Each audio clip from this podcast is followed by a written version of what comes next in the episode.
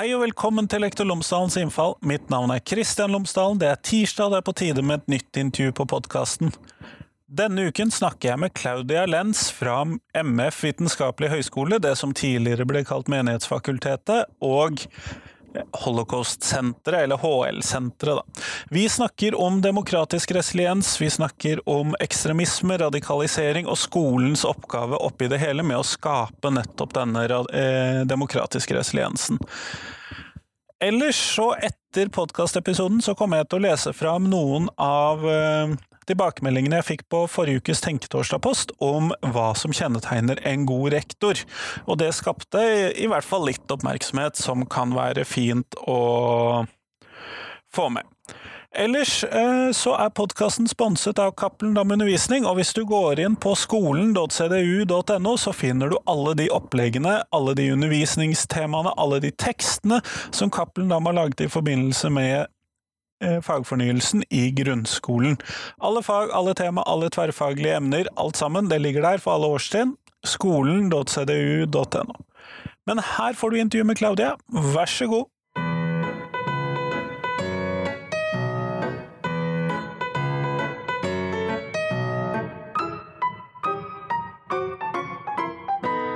Claudia Lenz, tusen takk for at du har tatt deg tid til meg i dag. Tusen takk for invitasjonen. Før vi starter selve intervjuet, så hadde jeg håpet at du kunne fortelle lytterne mine tre ting om deg selv, sånn at de kan bli litt bedre kjent med deg. Det er jo ikke sikkert at alle har hørt det forrige intervjuet vi gjorde. Ja. Um, jeg er lærerutdanner. Har et professorat eh, i samfunnsfag med vekt på forebygging av antisemittisme og rasisme på MF Vitenskapelig høgskole. Eh, men jeg jobber også i en bistilling for Senter for holocaust-studier. Og jobber da med Dembra-prosjektet. Eh, du har jo mange podkast også om Dembra-prosjektet, og da er jeg prosjektleder for Dembra for lærerutdanning. Kjempeflott, tusen takk. Og du har nettopp skrevet en artikkel om forebygging av ekstremisme og radikalisering i skolen. Og da må vi jo kanskje starte med hvordan forstår du disse begrepene ekstremisme og radikalisering? Ja, eh, de er jo altså det, er jo begrepet som eh, er omstridt og omdiskutert. Eh, og det fins eh, mange forsøk å definere. Eh, men det vi ser av en sånn felles kjerne, det er jo at, at radikalisering handler om en prosess der noen gradvis går lengre inn i um, ideologier og, og, og, tankesett som uh, baserer seg Som er veldig polariserende, som bygger på fiendebildet.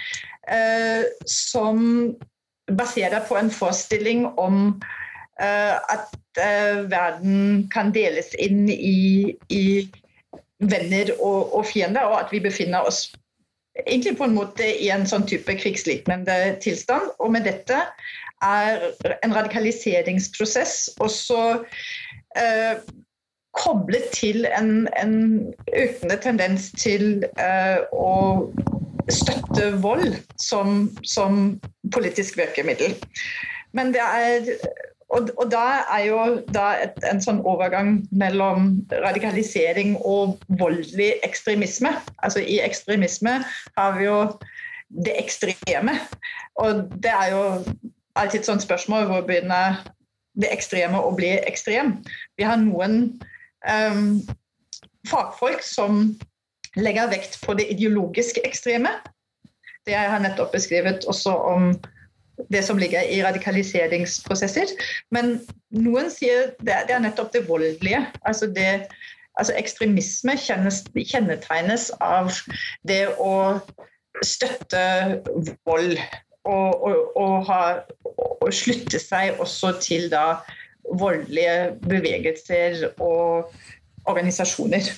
Så, Så er, ekstremisme i metode og ekstremisme i tanke, da?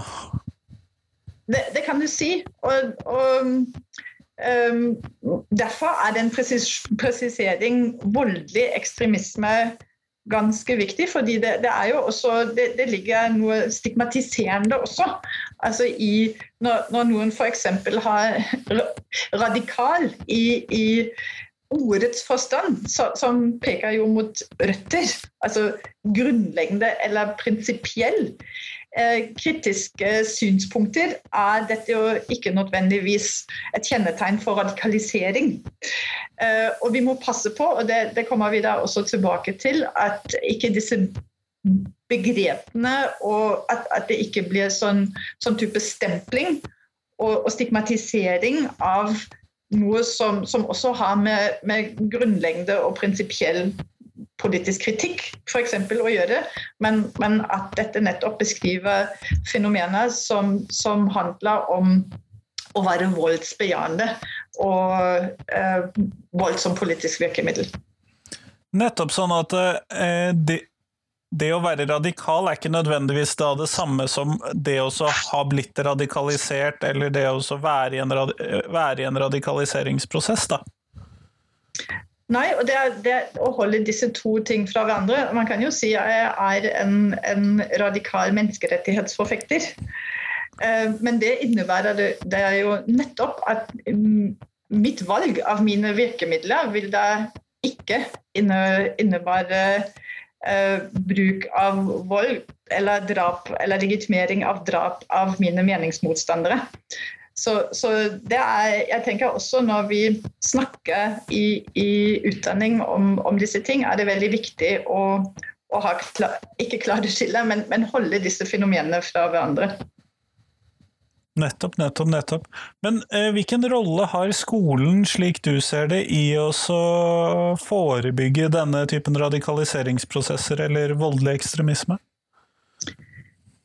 Ja, det, dette spørsmålet har jo blitt veldig aktuell um, de siste årene. Ikke minst etter 2015, da det var en uh, seriebølge, kan man si, med, med islamistiske terrorangrep uh, i hele Europa, hvor også uh, mange strategier av bekjempelse av radikalisering og voldelig ekstremisme pekte mot utdanning og, og skolens rolle i dette.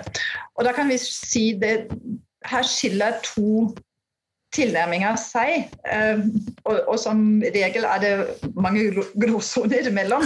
Men den ene tilnærming eh, den kan betegnes som en sånn type sikkerhetsorientert eh, tilnærming som handlet om nå må vi fange opp faresignaler og personer i, i risikosone. Vi må fange opp de som, som, er i ferd eller på vei inn i, i radikaliseringsprosesser, og håndtere de som en sånn type sikkerhetstrussel. Som det er veldig tett opp koblet mot politi og sikker, sikkerhetsmyndigheter um, osv. Den andre strategien um, han er veldig skeptisk til, til, den første strategien, som også omtales som en sånn type securitization. Fordi når man er ute etter å fange opp alle tidlige faresignaler osv., kan man nettopp ende opp med å eh, være veldig stigmatiserende. Um, betrakte elevene f.eks. I, i skolen som en type potensiell sikkerhetsrisiko er ikke veldig tillitsbyggende. Um, og det, det, kan nettopp bidra til det motsatte. Dytte dem altså, det ut, kan, det, det, kan støtte, støte uh, ungdommer som er kanskje i faresone, støtte dem lengre ut. Um, så det å betrakte elever som, som en type sikkerhetsrisiko, det er en, um, forsk, en italiensk forsker um, som heter Francesco Ragazzi. Han har skrevet to rapporter fra, for Europaråd. Uh, og, og, han sier dette i, dette strider mot barnerettigheter og, og barnas rettigheter til, til utdanning, fordi de behandles da som noe annet enn ungdommer som utdanningssystemet har ansvar for. Den andre strategien eh, den tar utgangspunkt i hvilket ansvar har egentlig skole- og utdanningssystemet for ungdommene. Utdanningssystemet skal utdanne og danne ungdommer, og det skal også ta vare på. Det skal skape eh, trygge læringsarenaer for ungdommer. Og da er det jo ikke så veldig hensiktsmessig med, med sånne sikkerhetsorienterte strategier. Frykt for at um, læreren melder deg til PST, f.eks.? Ikke sant. Eh, så, så, den andre handler rett og slett om å, å tilrettelegge for at de ungdommene de, de styrkes de støttes i å bygge selvtillit og, og tillit og få mestringserfaringer.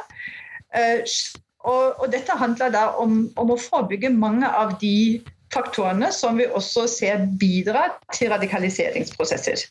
Altså en, en, strategi som er mye mer systemisk, og, og, som da man kan si er koblet til det mandatet som, som skolen uansett har.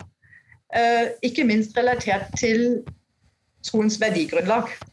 Altså det å, å skape en, en, trygg og god skole som, som utdanner og danner ungdommer. Nettopp, nettopp. Men, men, du har jo i artikkelen din skildret noen sånn tre forskjellige nivåer av denne forebyggingen, og det synes jeg var klargjørende for meg å lese, men kunne du forklare denne trekanten for meg? Mm. Så det som jeg omtalt til sist, det, det grunnleggende eh, arbeid med trygg og god læringsmiljø, med å skape demokratisk deltakelse, medvirkning, gi elevene mestringsopplevelser, det er jo det som skolen uansett skal gjøre. Og det omtales også som primærforebygging. Altså det brede, grunnleggende arbeid. Eh, så kommer noe som kalles for sekundærforebygging. Og det er det arbeid som handler om å, møte og håndtere eh, problematiske holdninger, atferd.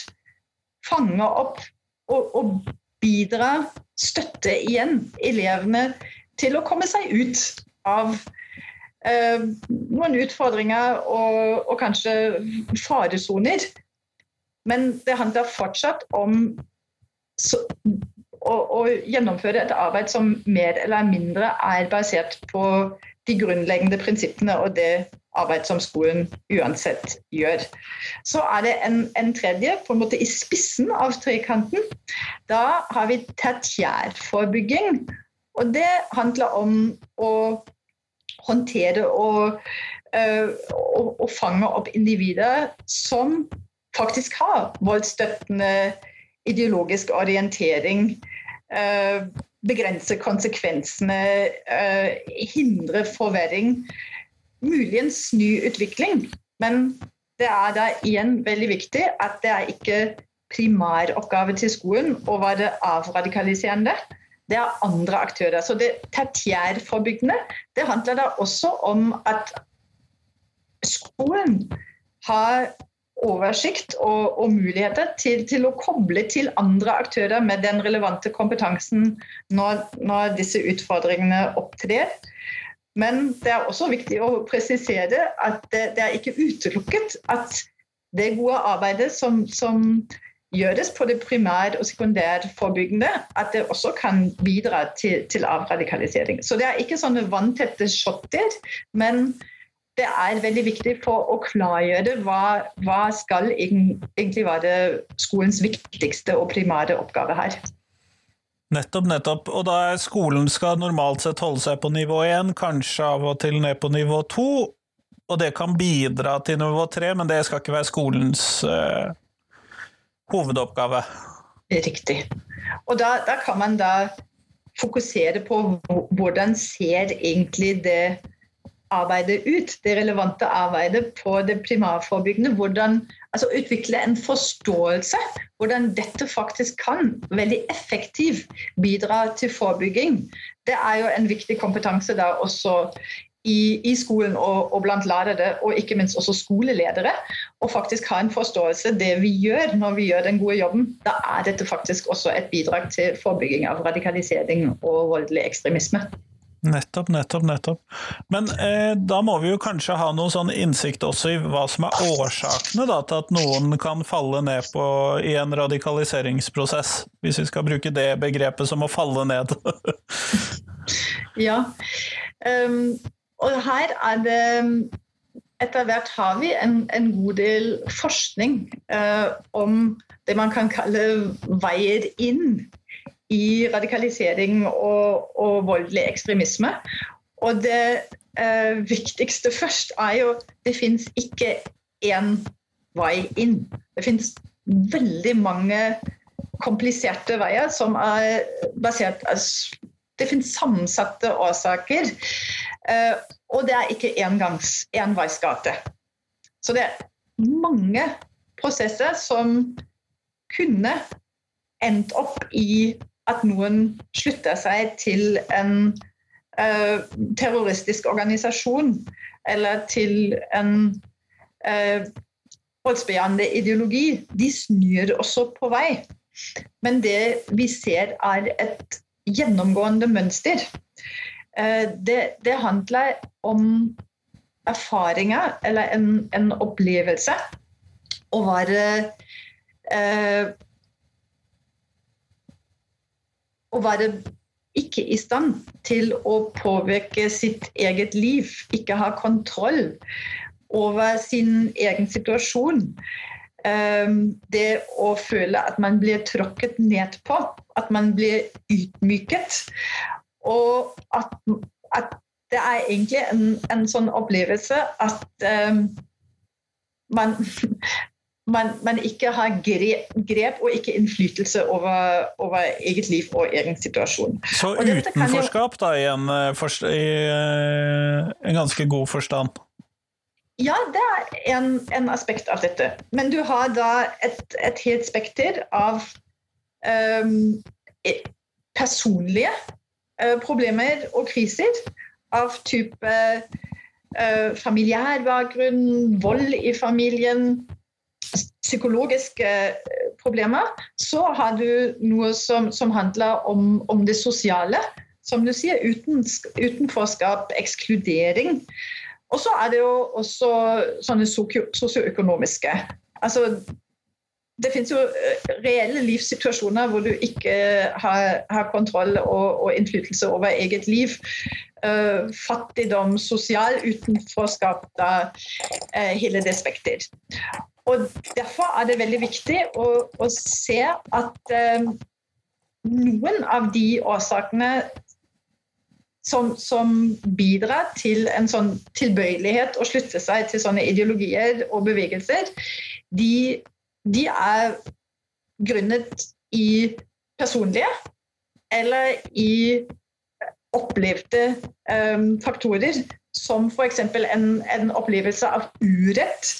Altså Vi ser at mange som, som har gått gjennom radikaliseringsprosesser, de blir sint, og de, de, de bærer et sinne på vegne av andre. Og en, en, en frustrasjon og en sinne at de ikke kan påvirke og det er også en eh, årsaksfaktor. Nettopp, nettopp.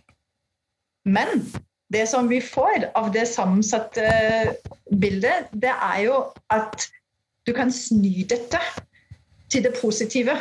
Hva kan egentlig bidra til å møte noen som opplever den sinn, og som opplever en sånn utenforskap, og som opplever en sånn frustrasjon over å ikke kunne påvirke noe som, som opptar deg i, i, å frustrere og gjør deg veldig sint. Og det, det handler da nettopp om en sånn type empowerment. Altså om en sånn type styrking av den enkeltes både reelle muligheter, men også av den enkeltes evner og ressurser til å faktisk gjøre en forskjell. Oppleve mestring. Oppleve at du er en del av noe. Så vi, vi kan tenke de negative aspektene, de, de, utfordringene og de behovene som ikke er dekket, som bidrar til radikaliseringsprosesser, de kan snus til noe positivt. Og da kan vi tenke at, at skolen har en, en, en veldig rikt, viktig rolle. Og det er her du tenker at de tverrfaglige temaene i skolen kan komme inn, eller hvor er det, har jeg forstått deg feil da? Ja, det er jo altså når vi, når vi snakker om nettopp sånn hvordan den enkelte settes i, i stand til, til, å oppleve seg til å være en aktør i eget liv og opp mot de ting som opp, opptar deg, så har vi jo en formulering fra overordnet del, omtale av tverrfaglig tema psykisk helse øh, Nei, øh, folkehelse og livsmestring, som, som, handler om å takle medgang og motgang. Ikke sant? Mm. Så, så, det er en tenkning her som nettopp handler om å, å styrke den enkelte. Og da har vi et, et fint begrep fra forskning eh, som, som, passer inn her. og det, det det er resiliens. Altså det er egentlig et psykologisk begrep som nettopp handler om å, å styrke den enkeltes motstandsdyktighet. Så et resiliensperspektiv det kan da anvendes på hele det spekter av utfordringer som, som, jeg nettopp har skissert. Hva er det som, som bidrar til at den enkelte møter eller opplever motgang? Eh, og, full av avmakt og, og sinne osv. Og, og hva kan styrke din motstandsdyktighet? Dine ressurser, det du kan mobilisere, og det du faktisk har å komme med. At du opplever dette kan du endre. Du er ikke bare en, en, en, et passivt objekt av alle disse ting som du er frustrert over, men, men du kan faktisk gjøre noe. Så ja, jeg tenker det har med, med det tverrfaglige temaet folkehelse og livsmestring å gjøre. Men kritikken som har kommet mot resiliensbegrepet, det er også viktig å ha med her. Nettopp når vi kobler dette til eh, folkehelse og livsmestring. Fordi det, dette tverrfaglige temaet har jo også blitt kritisert nå for å være i overkant individualiserende. Og legge all ansvar på skyldrene til eleven sjøl. Altså når du møter motgang, da må du sjøl settes i, i, stand til å ta ansvar og osv. Så, videre. så hvor er egentlig disse rammefaktorene? Hvor er det eh, som bidrar til at den, den, enkelte også opplever disse utfordringene? Og der kommer eh, bærekraftsfelt med en interessant vri på resiliensbegrepet. Ja, det, det, det, heter sosio, sosiokulturelt resiliens. Og det er, det er, nettopp at det er ikke bare individet som skal bli eller bygge, utvikle resiliens, men det er også omgivelsene. Altså Vi har et systemisk blikk på, på dette med å, å, bli eller utvikle motstandsdyktighet, hvor de strukturene, de omgivelsene, de, den, den, institusjonen som du befinner deg i når vi, når vi snakker skole, er veldig viktig og helt avgjørende. Og da, når vi, når vi følger din tankegang, da beveger vi oss fra omtale av det tverrfaglige temaet folkehelse og livsmestring noe videre inn i overordnet del. Fordi overordnet del sier nettopp også noe om hvordan skolen skal jobbe. Skolen f.eks. skal legge vekt på uh, sosial læring. Og det å at, at, skolen legger opp til samhandling, konstruktiv samhandling, uh, gjensidig anerkjennelse osv., det er en veldig sentral faktor i det å kunne bygge resiliens og det å fylle disse behovene for anerkjennelse og det å bety noe. eller prinsipp om inkluderende læringsmiljø, selvfølgelig. Her handler det om skolens ansvar og skolens systematiske og institusjonelle helhetlige arbeid med å forebygge utenforskap. Så jeg tenker resiliensbegrepet, når vi tolker dette systemisk, det, det er veldig egnet til, til, å se hele skolens virksomhet. Altså det vi kalte også primærforebyggende. Um, og hvordan da alt fra uh, hva, hvilken type ressurser Altså det å se en elev i et ressursperspektiv.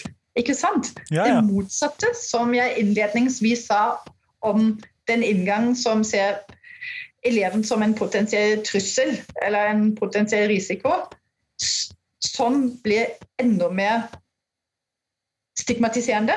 Sny dette. Hvordan, hva slags ressurser har eleven å komme med, og hvordan kan skolen som system også støtte eleven i å erfare disse og, og utøve disse. Nettopp, nettopp. Men du snakker jo også om demokratisk resiliens, og det begrepet det slo meg ikke helt sånn uh, med en gang hva det skulle være. Selv om jeg, jeg tenker jo da fort motstandsdyktighet innad i institusjonene f.eks., men jeg vet ikke om det er det som er tenkt der? Mm. Um, det er en britisk forsker som har, veldig, har forsket ganske mye på både det som, som, er disse inngangene i, i, radikaliseringsprosesser, men også veldig systematisk sett på forebyggingsstrategier eh, i, i, utdanningsfeltet. Og, og, hun heter Lynn Davis, og, og hun viser at det som, som handler om å Altså det, det, som handler om, om, demokratisk kompetanse og demokratisk deltakelse, rett og slett. At dette er faktorer som bygger resiliens. Så her eh, snakker hun om de ting som allerede har blitt nevnt. Dette med å ha mulighet til å medvirke, til, til å bli hørt. Altså det at eh, elever som kommer med i anførselstegn radikale oppfatninger eller radikal kritikk. De skal ikke stemples, men de skal bli hørt, og de skal bli tatt på alvor. Så vi har en, et, et, veldig sentralt element av myndiggjøring her. Altså å, å sette eleven eh, Eller anse eleven som, som en aktør som skal tas på alvor, og som skal ha mulighet til, til å bryne seg med sine oppfatninger, blir utfordret, men inviteres inn i et, et fellesskap der disse, disse, synspunktene, disse holdningene, men ikke minst også den, den, de legitime anliggende som ofte ligger til grunn, de blir tatt på alvor. Så det handler om å sette i gang demokratiske prosesser. Og, og vi snakker jo også i demokratilæring om dette med om, gjennom og for. Altså det å gi eleven den kompetansen, støtte elevene til, til å få den, den, kunnskapen, ikke minst kritisk tenkning. Ikke sant? Altså disse eh, ekstremistiske ideologiene, de, de, er jo veldig ensrettet og, og, og polariserende og svart-hvitt. Og det å styrke evne til, til kritisk tenkning og argumentasjon det, det, er jo en del av demokratilæring. Og det sier Lynn Davis, det er en, en del av sånne resiliensorienterte strategier. Så vi kan, når, når vi ser uh, igjen på dette, hva, hva, kan undervisning, men også hele skolens virksomhet bidra, så kan vi si at nesten alt som handler om, om å styrke demokratisk kompetanse, men også den gjennomdimensjonen. Det å gi erfaringer med å bety noe og kunne påvirke og medvirke. Dette er viktige elementer i å, å, å styrke resiliens. Det høres ut som det ligger ganske gode muligheter for dette fellesskapsbyggende i den tankegangen som da har formet store deler av fagfornyelsen og overordnet del, da, ut ifra hva du trekker fram her og hvilke ting du nevner? Ja, jeg, jeg tenker at um, den tydeligere og, og tydeliggjøring av skolens verdimandat ikke minst i hvordan dette kommer fram i, i prinsipper for læring og, og prinsipper for, for, skolens virksomhet. Det, det, passer egentlig veldig fint inn i, i, det vi vet som er gode og langsiktige systematiske forebyggende strategier. Um, og når det gjelder nettopp dette tverrfaglige temaet folkehelse og livsmestring, så er, er det jo spennende å, å, tenke hvilke fag har egentlig fått dette temaet, og, og hvordan kan vi da se på hva, hva kan disse fagene egentlig bidra til å gi eleven nettopp både den, den kompetansen, men også den opplevelsen som er resiliensbyggende. Nettopp. Det er jo ganske spennende. Jeg håper jo det at vi kan ti år frem i tid faktisk vite noe om hvordan dette her har blitt praktisert i norsk skole, da. Det er jo fort en problemstilling i skolen. At vi ikke så mye vet hva vi får ut av de tingene vi putter inn eller legger til grunn.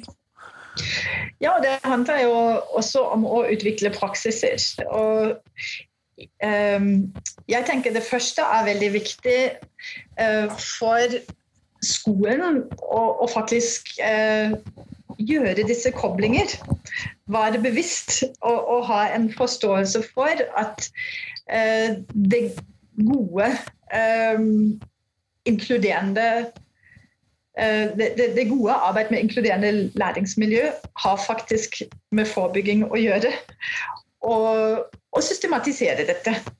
Så eh, kapittel 3-5, tror jeg det er, i overordnet del, det, det handler jo da om, om profesjonsfellesskap. Hvordan, hvordan, jobbe med verdispørsmål og utfordringer i profesjonsfellesskap.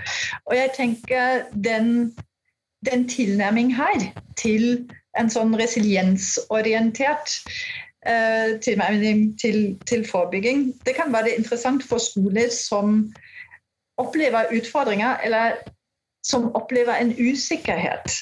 Jeg har møtt uh, en, en, del lærere som rett og slett var veldig usikre.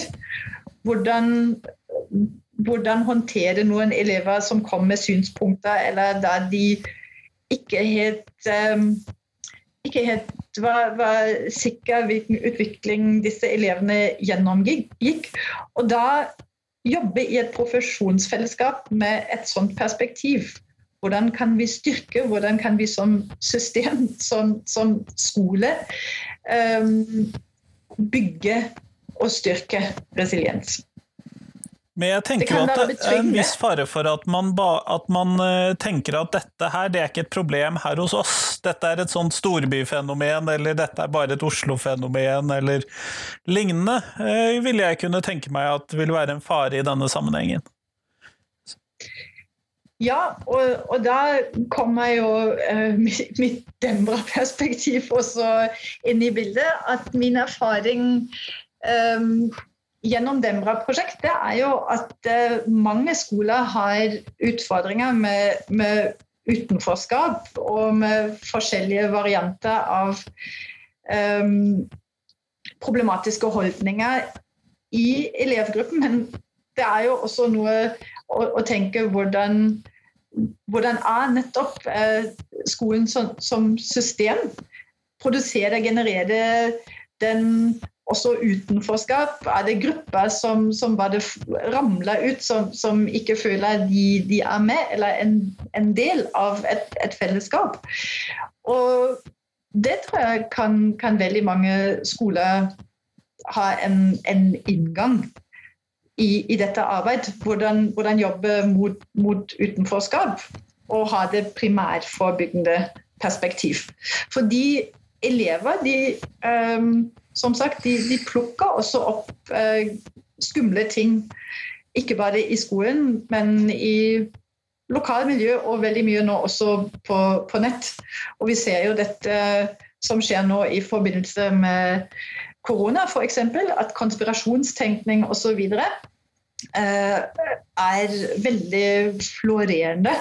Og, og plutselig har du holdninger og utviklinger som, som, du ikke har forutsett. Dermed er et sånt langsiktig og systematisk arbeid veldig viktig. Kjempeflott, Claudia. Vi går mot slutten av podkastintervjuet, og da skal jeg selvfølgelig slenge deg et siste spørsmål, eh, som jeg håper at du kan svare på. og Det er jo det spørsmålet jeg stiller alle for tiden, og det er hva er de tre viktigste tingene som skolen kan lære elevene? Ut ifra hvordan du ser det. Um, jeg, jeg, tenker de tre viktigste tingene som, som elevene skal få med seg eh, gjennom skolegang, det er at eh, de betyr noe. De er en ressurs. Og de, de har alltid en, en mulighet å ut, utvikle seg videre. Kjempeflott. Tusen takk for at du tok deg tid til meg i dag. Tusen takk for invitasjonen igjen, Kristian. Ha det.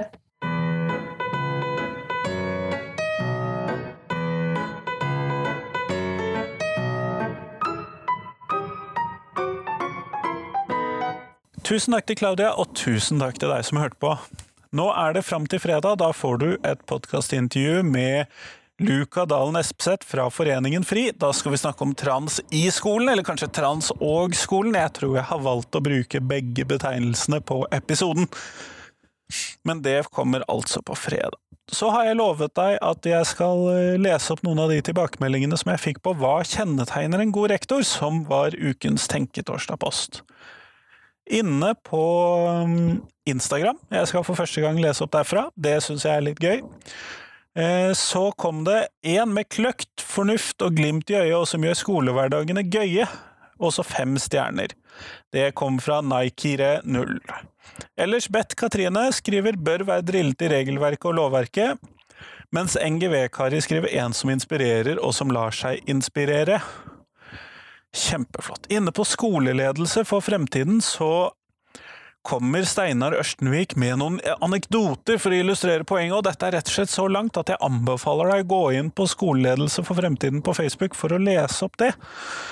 Og hvor det handler, Men oppsummeringen hans da, er at det jeg mener at man kan lære av dette, er å møte andre med åpenhet og skape miljøer og kulturer hvor ikke bare elevene lærer, men også lærere. Man behøver ikke være engasjert på vegne av elever for å være rektor, men for å være en skikkelig god rektor er dette nødvendig. Og det kan være interessant. Eller så kommer han med en del interessante eh, anekdoter som kan være verdt å se på.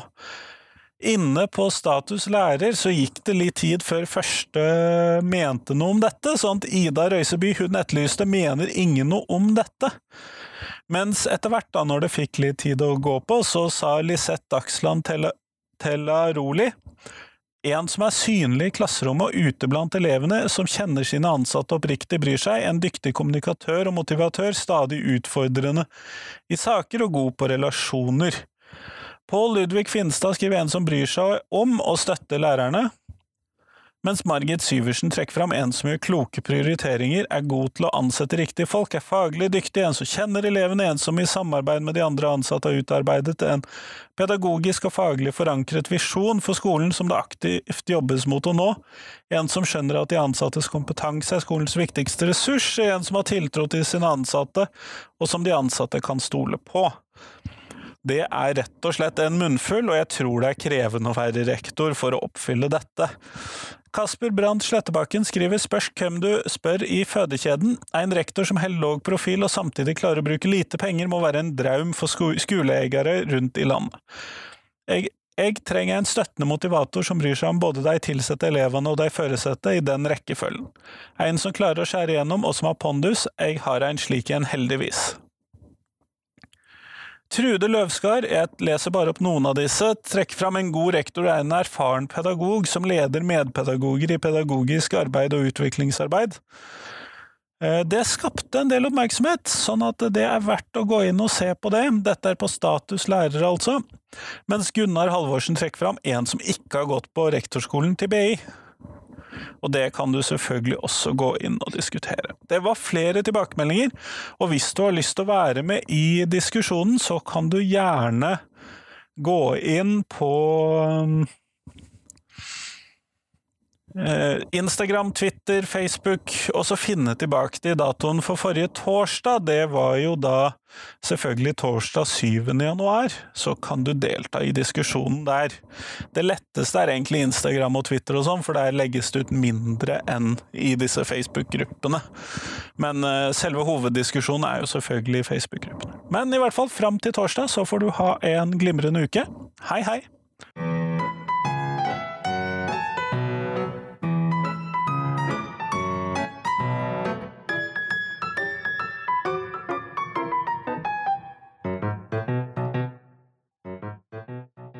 Husk at eh, jeg trenger tips om hvem som jeg kan ha med på podkasten. Det hjelper utrolig mye. Vi høres!